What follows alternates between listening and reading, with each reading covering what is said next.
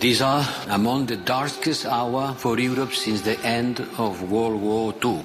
Мы готовы к любому развитию событий. Der er nu krig i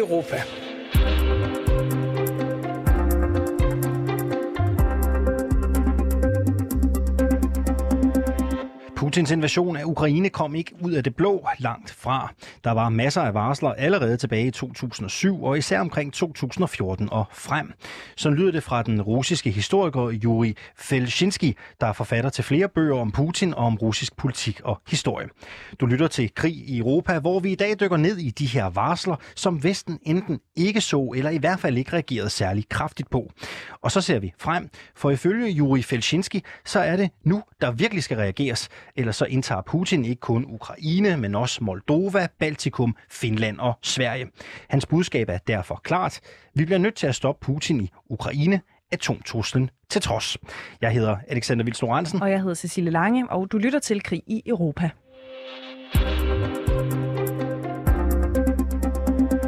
Godmorgen, Charlotte Flint øh, Pedersen. Godmorgen. Du er direktør i Udenrigspolitisk Selskab og blandt andet også øh, kan med i Østeuropa-studier. Vi er også heldige at have dig med øh, gennem hele udsendelsen til lige at kommentere på øh, de ting, som Juri Felsinski har sagt til os. Vi har talt med ham i næsten en time og har valgt ja, de allermest interessante bidder ud, som vi kommer til at spille undervejs i den her udsendelse. Og inden vi først gennemgår de her varsler, som han så kommer til som øh, han så, øh, skal jeg måske lige sige, øh, komme op til den aktuelle russiske øh, invasion af Ukraine, så lad os lige få ham introduceret øh, ordentligt. Juri Felshinsky er som sagt en russisk historiker, der blandt andet har specialiseret sig i KGB's historie. Øh, KGB, som Putin jo kommer af og er formet af. I 90'erne blev Juri Felshinsky involveret i toppolitik i Kreml, hvor han blev rådgiver for nogle af de oligarker, som gik ind for, at Rusland skulle udvikle sig til et mere vestligt, demokratisk, markedsbaseret samfund. De tabte dog til Putin dengang, og Juri Felshinsky lever i dag i USA, hvorfra han har udgivet flere bøger, der er meget kritiske mod Putins styre. For at være ærlig, så er han jo indet øh, Putin-kritiker. Øh, og han er en af de typer historikere, som også tør sige noget om nutiden og fremtiden på baggrund af historien selvfølgelig. Og i hans bog 3. verdenskrig, kampen om Ukraine, forudsag han store dele af den aktuelle situation, vi står i lige nu, blandt andet på baggrund af de mange varsler, som han så. Og lad os da bare komme i gang med varslerne. For vi starter tilbage i 2007 i München, hvor Putin holdt en tale om sine udenrigspolitiske ambitioner. He uh, claimed that the collapse of the Soviet Union was a mistake which should be corrected.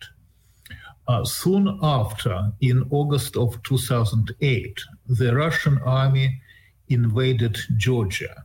This was the first time since the collapse of the Soviet Union when Russian troops were used abroad.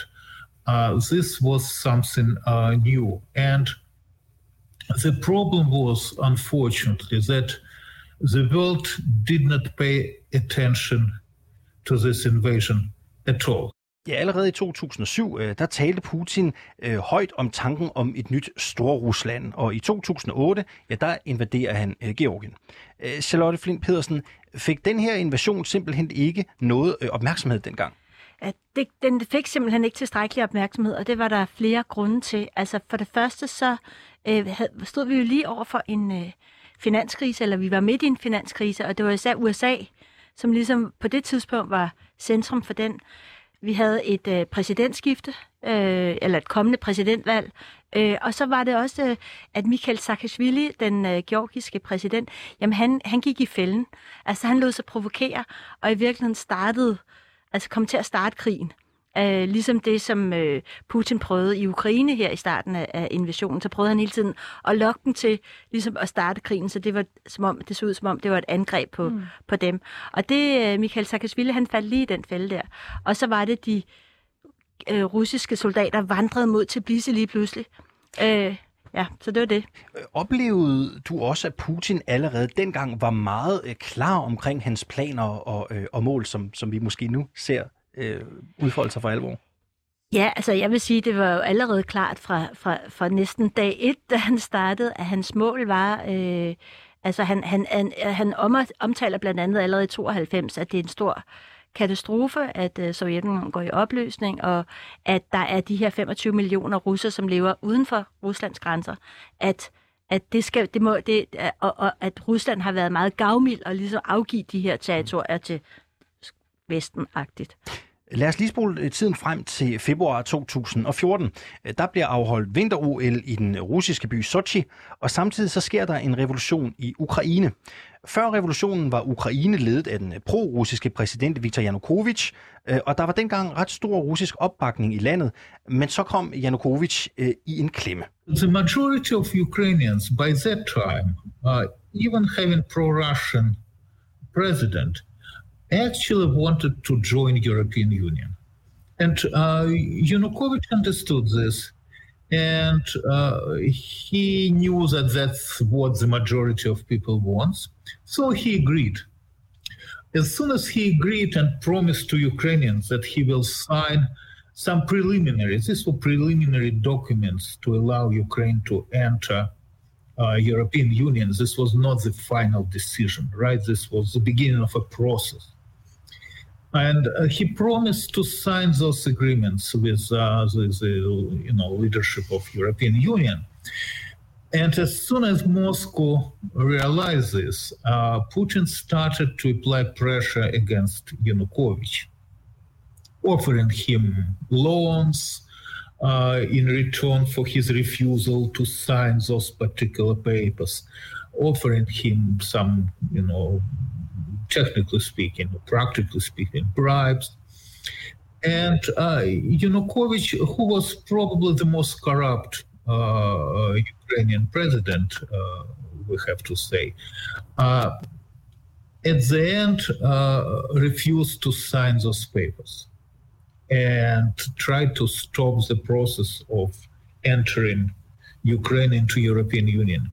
Ja, så Putin øh, fik altså presset Janukovic til at stoppe processen om optagelse i EU, og det blev startskuddet på den ø, ukrainske revolution i øh, 2014.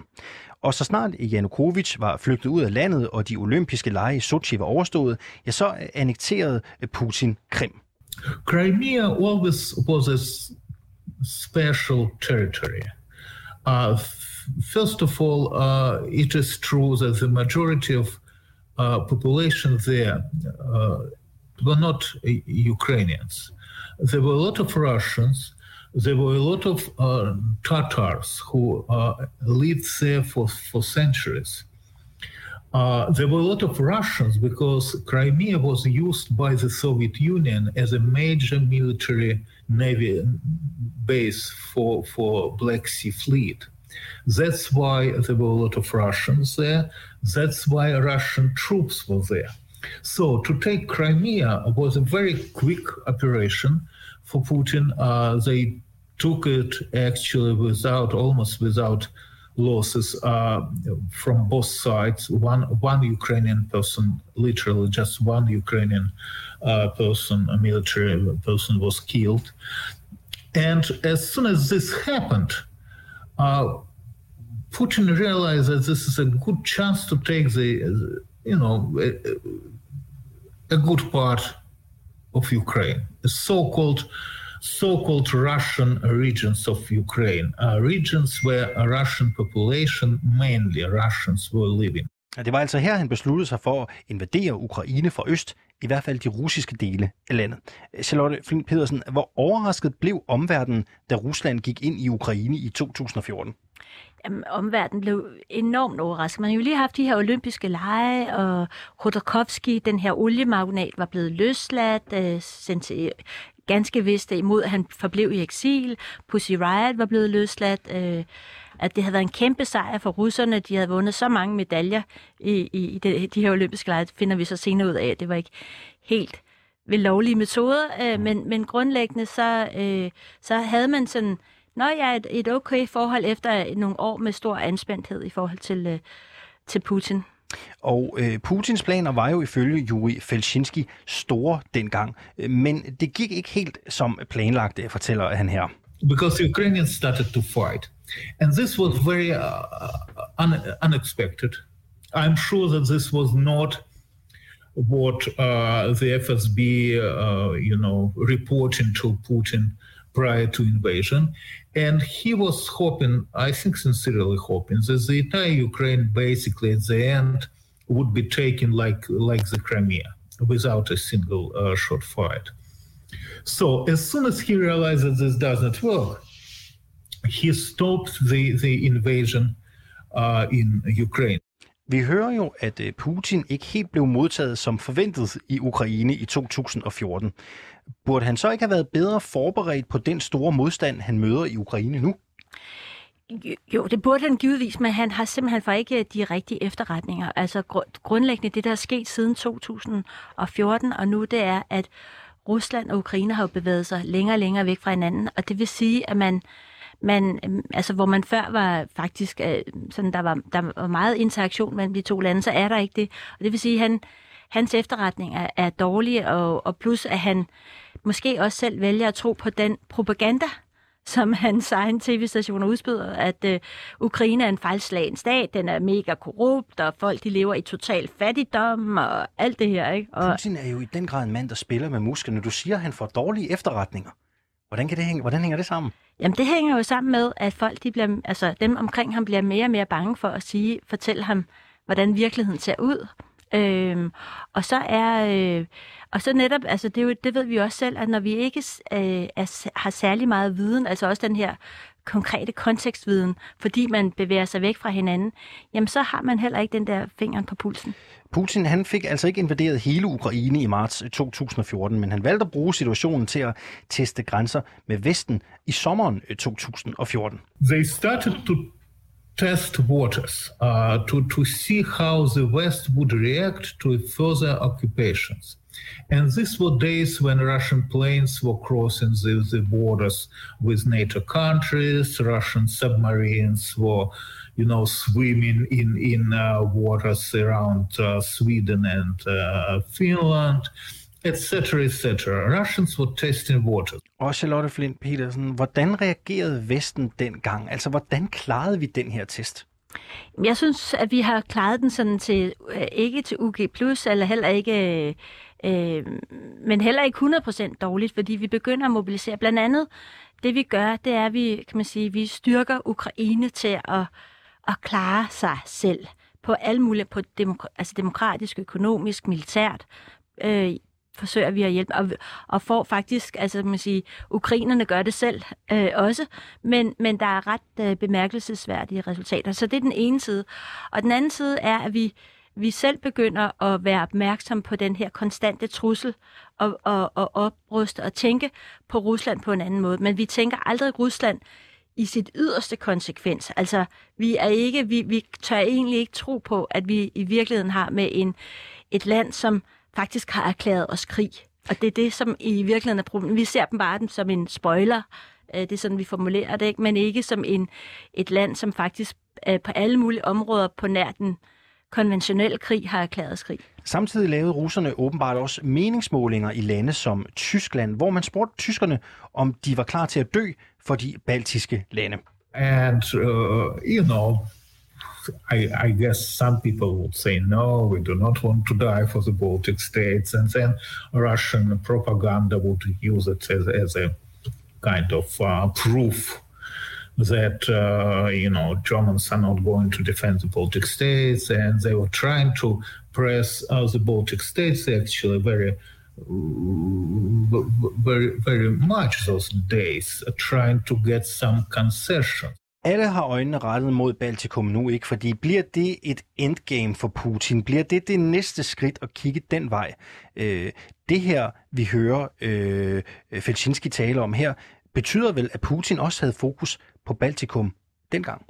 Jamen, det har han helt øh, sikkert haft, og man kan jo se, at uh, i Kaliningrad har man nu uh, muligheden for at lade, altså faktisk den Kaliningrad, som er den her lille enklave, som ligger mellem Baltikum og, og Rusland, som Rusland, øh, er, som er en del af Rusland, jamen der har han oprustet lige siden. Øh, og i dag er det sådan, at, øh, at på mange måder så har øh, Rusland en, en, en, en skal sige, militær øh, styrkeposition ved den oprustning, der er sket i Kaliningrad. Øh, så det er øh, helt klart, at Baltikum, der er også øh, hele den her, hvad skal man sige, mis- og disinformation, som er fundet sted blandt russerne i Baltikum. Sådan en mobilisering af også skal man sige, en slags femte kolonne. Det er ikke rigtig lykkes, men, men det har været en del af strategien også. Og Charlotte Flint øh, Pedersen, vi skal lige runde et par ret interessante russiske love, inden vi går videre. Øh, nogle love, der ud over at være øh, også fortæller os ret meget om den aktuelle øh, situation. Fordi øh, efter 2014-invasionen af Ukraine øh, blev der for eksempel i 2015 introduceret en ret interessant lov i Rusland om opgørelsen af tabstal, som jo Felsinski her fortæller om. And that law was saying that you do not need anymore to to report to to population uh, how many uh, how many people are killed during the operation. So for this, the only difference is that uh, for this, uh, this has to be not war, but a military operation. And this is the reason why uh, this, the Russian government now banned, uh, literally banned the, use, the, the usage of word war. They do not allow the events in Ukraine to be called war but call it military operation because if this is a war, they have to report and to tell how many people are killed. If this is a military operation, they do not have uh, to to inform population about this because this is considered to be a secret, you know, secret matter. Altså det, øh, Felsinski siger her, det er, at russerne, de må altså ikke kalde den aktuelle øh, situation i Ukraine for en krig, fordi så skal Putin oplyse øh, tabstallene. Øh, det er måske et dumt spørgsmål, men altså, hvorfor vil Putin egentlig helst ikke oplyse de her tabstal? Altså, hvad er det, han er bange for, hvad kan han miste? Jamen, så skal vi lidt tilbage igen til krigen der, øh, altså øh, an, kan man sige, invasionen, som de facto invasionen af Lugansk og Donetsk, øh, hvor øh, der døde jo russiske soldater, men de var jo, øh, altså, de var jo ikke officielt russiske soldater, de var legesoldater. Øh, og det vil sige, at he, allerede her begynder der at komme altså, døde soldater tilbage til, til Rusland, mm. og øh, det var en måde sådan ligesom at at, at gemme det faktum, at der kom døde soldater tilbage. Det var ligesom den første skridt, men i dag er det jo simpelthen fordi, at man er faktisk formentlig, det er ikke til at sige helt 100%, men der døde 15.000 soldater i Afghanistan. Det var et kæmpe, det var meget smertefuldt. Det er stadigvæk meget smertefuldt i, øh, for mange øh, russiske familier. Øh, og i dag er vi formentlig op imod 14.000 dræbte russiske soldater. Det er ikke til, det er svært at få verificeret, men, men alene det, at man taler om, om, om tal, der kan være det, øh, viser jo, at det er et, et, et meget, meget kildent emne. Mm. Øhm, vi skal lige runde en, en lov mere, en helt ny en af slagsen, som øh, blev vedtaget i december 2001, og som trådte i kraft 1. februar, nemlig en lov om massegrave. Uh, so this particular new law just uh, introduces particular standards to, to for mass uh, burials. I mean, like uh, if you bury a thousand people or more, you will use this or that. That the the grave should be uh, of particular size, and it's also mentioning uh, death uh, as a result of uh, radioactive, you know, radioactivity. So what is an indication that Russia is preparing itself for the possibility of nuclear war and nuclear confrontation. Ja, altså en helt ny lov, som blev vedtaget i december 2021. Jeg fik vist sagt 2001 øh, lige før, som altså trådte i øh, kraft i 1. februar.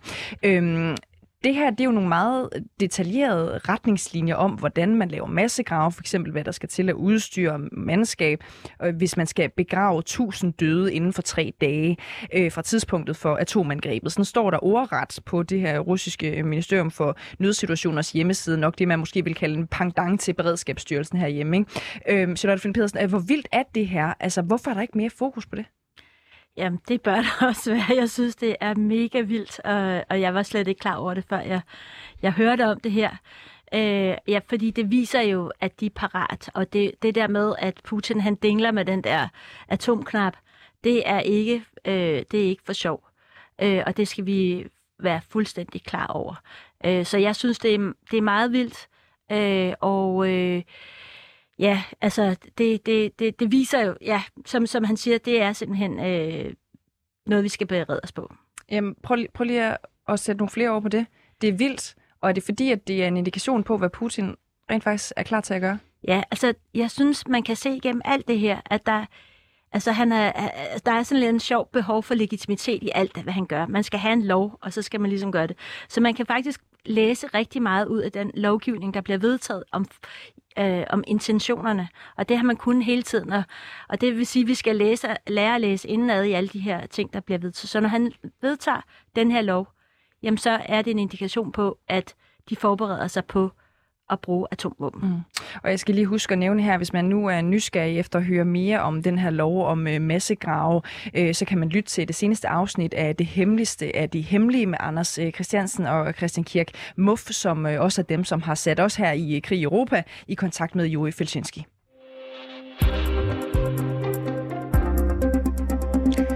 Lad os lige øh, bruge de sidste 10 minutters tid her på at se frem. For vi står lige nu i en situation, hvor Putin er i gang med at invadere Ukraine, og ifølge Juri Felsinski, så har Putin ikke tænkt sig at stoppe der. He plans to take uh, Ukraine. He plans to take Moldova. I even would say that he would proceed to Moldova before he is done with Ukraine. I think so. Uh, because uh, he probably will take a thousand regions of, of Ukraine, including Odessa, before he would finish this, uh, to deal with central central uh, Ukraine. Ukraine is a huge country, so he probably will proceed to Moldova even earlier before the operations in Ukraine uh, are finished, uh, and and as soon as this is done, and Moldova is a small country if you compare to to, to Ukraine, uh, small and much weaker, and they do not have army, etc. As soon as this is done, he will have under his control three states which are not members of NATO: Ukraine, Moldova, and Belarus, which is already occupied by, by Russia by Russian troops. As soon as this is done, he will present ultimatum uh, to the West about the return of the three Baltic republics. And he would use the same uh, nuclear blackmail which he's using now when he is saying to Americans, if you close the sky over Ukraine, this is a declaration of war, I will use nuclear weapons. This is uh, like primitive uh, blackmail. Charlotte Flint Pedersen, direktør i Udenrigspolitisk Selskab. Du er stadig med os her i studiet. Tror du også, at Putin vil gå efter de baltiske lande og true med atomvåben på den her måde, som Felczynski øh, forudser? Jeg er desværre fuldstændig overbevist om, at det han siger er sandt. Øh, og øh, det gør mig virkelig nervøs, fordi er vi klar til det? Øh, har vi glemt det, der hedder Mutual Assured Destruction? Det vil sige, vi lader os i virkeligheden blackmaile. Hvis vi ikke er klar til at imødegå den blackmail, så bliver vi selv ofre for den blackmail. Og ikke kun vi, men også selvfølgelig de lande, som ikke er under NATO's paraply, inklusiv tre lande, som er. Du siger, du tror, øh, at Felsinski har ret i sin forudsigelse. Kan du prøve at beskrive for os, hvordan du tror, Putins videre fremfærd kommer til at se ud? Altså, hvad kommer vi til at se for ham næst efter Ukraine? Prøv at folde det ud for os. Jamen i virkeligheden så vil, er Ukraine kamppladsen. Øh, det vil sige, at det er der, han afprøver. Altså han, han, han øh, afprøver. I havde jo lige spørgsmålet om mm. øh, altså, civile øh, altså, som mål mm. i alt det her. Og det kommer han til at gøre. Han kommer til at bruge atomvåben i altså på Ukraine. Det vil sige, det, det er en måde, vi, skal, vi er vidner til den her totale udlæggelse. Øh, og det vil underminere vores øh, skal man styrke i forhold til, at vi ikke kan handle. Så derfor er vi nødt til at komme i en situation, hvor vi handler, hvor vi afskrækker. Og jeg blev spurgt tidligere om, hvad gjorde vi forkert, eller mm. gjorde vi det godt nok? Vi gjorde det kun semi godt nok, fordi vi gik i forsvarsposition, men vi gik ikke i angrebsposition. Og vi bliver nødt til at komme i en situation, hvor det er os, der er i driver's seat, som man og, siger i USA. Du, du siger, at Ukraine er kamppladsen nu. Det er første skridt. Putin kommer til at vil have mere og mere. Han kommer til at bruge atomvåben. Øh, mener du, vi er klar til at kæmpe mod Putin nu? Er vi klar til at spille med musklerne mod ham? Eller hvordan ser du vores situation lige nu? Jamen, jeg håber jo meget, at det er... Nu kommer Biden til, øh, til Europa i den her uge. Jeg håber meget, at det er de scenarier, man begynder at diskutere, og man, man siger, man, er, altså, man forstår alvoren af det, fordi bag ved det hele er der jo også Kina. Kina kigger på, hvordan vi håndterer den her gangster. Og vi skal forstå, at Putin er ikke længere en statsmand. Han er en gangster, og man skal tale til ham i et gangstersprog. Og hvad er det? Jamen, det er at sige, din fucking et eller andet. Du har nu at stoppe den krig i Ukraine, fordi ellers så udrydder vi dig fra verdenskortet. Ikke? Altså, det er jo det sprog, man skal sige. Man skal op imod den samme. Altså, han respekterer ikke svaghed, han respekterer kun styrke. Og vi skal finde ud af, hvordan vi bliver stærke i forhold til Putin. Så klar øh, sprogbrug var der måske ikke mange, der havde forventet direktøren i Udenrigspolitisk Selskab komme med. Lad os prøve at drible videre her. For til trods for den her nuclear blackmail, som Felczynski kalder det, som altså allerede er gældende nu i forhold til debatten om etableringen af en no-flight zone over Ukraine, så bliver vi nødt til at konfrontere Putin nu i Ukraine, siger han her. Our only chance to avoid the Third World War is to stop Putin in Ukraine. Now, if we know that, if we know for sure that Ukrainians would win this war without our help and without our, our involvement, uh, besides the weapons which we are sending to them, it's fine. We could go sleep now and you know wake up when when the war is over. But there is a chance that this is not going to happen without our help. Uh, so, and and if Putin is ready to start World War Three, if Putin is ready to use nuclear weapons, it does not really matter uh, whether we would face this danger now or after uh, Ukraine is finished. And I would claim that it's much safer to, to be involved, to start to be involved now, because Ukraine, number one, is a huge country. Number two, they do have a comparatively large army. Number three, and this is important, they are ready to fight and they are ready to die.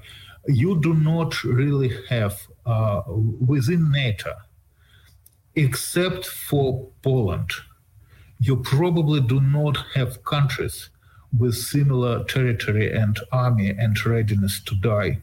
Vi skal lige høre et sidste klip med Felczynski, for vi hører ham flere gange nævne atomtruslen, og han er faktisk meget specifik omkring, hvordan han mener, Putin vil bruge atomvåbne, hvis han gør det, eller i hvert fald hvorfra Putin i så fald vil affyre dem. couple weeks ago, Belarus withdrew from non-nuclear status. After the collapse of the Soviet Union, Belarus and Ukraine, which had nuclear weapons in their possession, as part of the Soviet Union, basically gave it back to, to, to the Russian Federation uh, and decided to be non-nuclear states, what is, of course, a very you know, smart move to, to do. Uh, now Belarus withdrew from nuclear status, non-nuclear status, and Lukashenko is going to ask Putin at one point to return nuclear weapons back to Belarus. Uh, Putin will do this, and the nuclear attack uh, will be uh, conducted not from the territory of the Russian Federation, but from Belarus. So the West or NATO would have to retaliate not against the Russian Federation, but against Belarus. While Belarus would attack the, the cities in, in Europe. This is what going to happen. That's why Putin did not annex Belarus the way he annexed Crimea, because he wants to keep Belarus formally independent. And I think the reason for this is that he plans to start nuclear confrontation from Belarus, not from Russia. Charlotte Finn Pedersen, du ser næsten øh, chokeret ud, når du hører øh, den her lydbid fra Felczynski. Øh, tror du, at Putin vil bruge øh, Belarus på den her måde? Helt sikkert. Og da jeg hørte om den lovgivning, øh, så tænkte jeg, tænkte jeg faktisk fuldstændig det samme. Øhm, og det er jo frygteligt at have de tanker, øh, fordi det, det er så uafskueligt, konsekvenserne af det, og det er så nedrigt en tænkning, så ja. Hvad mener du, når du siger, at konsekvenserne af det er uoverskuelige? Jamen det er fordi, det er det her med, at du, altså for det første så er, er Hvide Rusland jo et land, som har været, eller Belarus et land, som har været udsat for hele Tjernobyl, katastrofen. Det vil sige, at de har allerede en kæmpe altså atomar, skal man sige, skygge over sig. Øh, og så er man øh, parat til at gøre det en gang til. Altså det er jo mod en, en befolkning, som som er så hjælpeløs i, i øjeblikket på grund af undertrykkelse og repression. Altså under, ja. Felsinski har haft ret i mange af sine forudsigelser med Putin, øh, Putins ambitioner. Når du hører hans forudsigelser her, og hans analyse, skal vi være yderligere bange? Altså jeg vil sige, at vi skal bare lytte 100% til, hvad han siger, og så skal vi forstå, altså, og, det, og, og, og, og lytte til, hvordan han, altså, foreslår, vi handler. Fordi at, øh, og hvordan skal vi handle, hvis man spørger dig? Hvis man, så skal man gå ind og sige til Putin, nu er vi parat til en no-fly zone. Vi er parat til at beskytte Ukraine, og det er vi ikke, fordi at, at det er ikke kun på grund af Ukraine, det er sådan set også på grund af os. Så det er det, vi skal gøre. Altså, der er ikke så meget at gøre, og vi skal kan være... Det? Det, det jeg, jeg tror, vi kan. Øh, jeg, jeg kender ikke, jeg er jo ikke militær ekspert, mm. så jeg kender ikke sådan vores balanceforhold i forhold til, altså de har jo de her 600 nukleare, øh, ja, altså, så spørgsmålet er, hvordan vores paritet er i forhold til, til Rusland, øh, men, men forhåbentlig kommer det aldrig dertil, hvis vi er afskrækkende nok i udgangspunktet. Charlotte Flint Petersen, direktør i Udenrigspolitisk Selskab og kan med i Øst Europa Studiet. Tak fordi du var med her til morgen. Selv tak. Du har lyttet til Krig i Europa. Mit navn det er Cecilie Lange. Og jeg hedder Alexander Vils Lorentzen. Og husk, at du kan finde flere udsendelser i vores 24-7-app eller i den podcast-app, du foretrækker. Du kan også naturligvis lytte med hver dag live i radioen.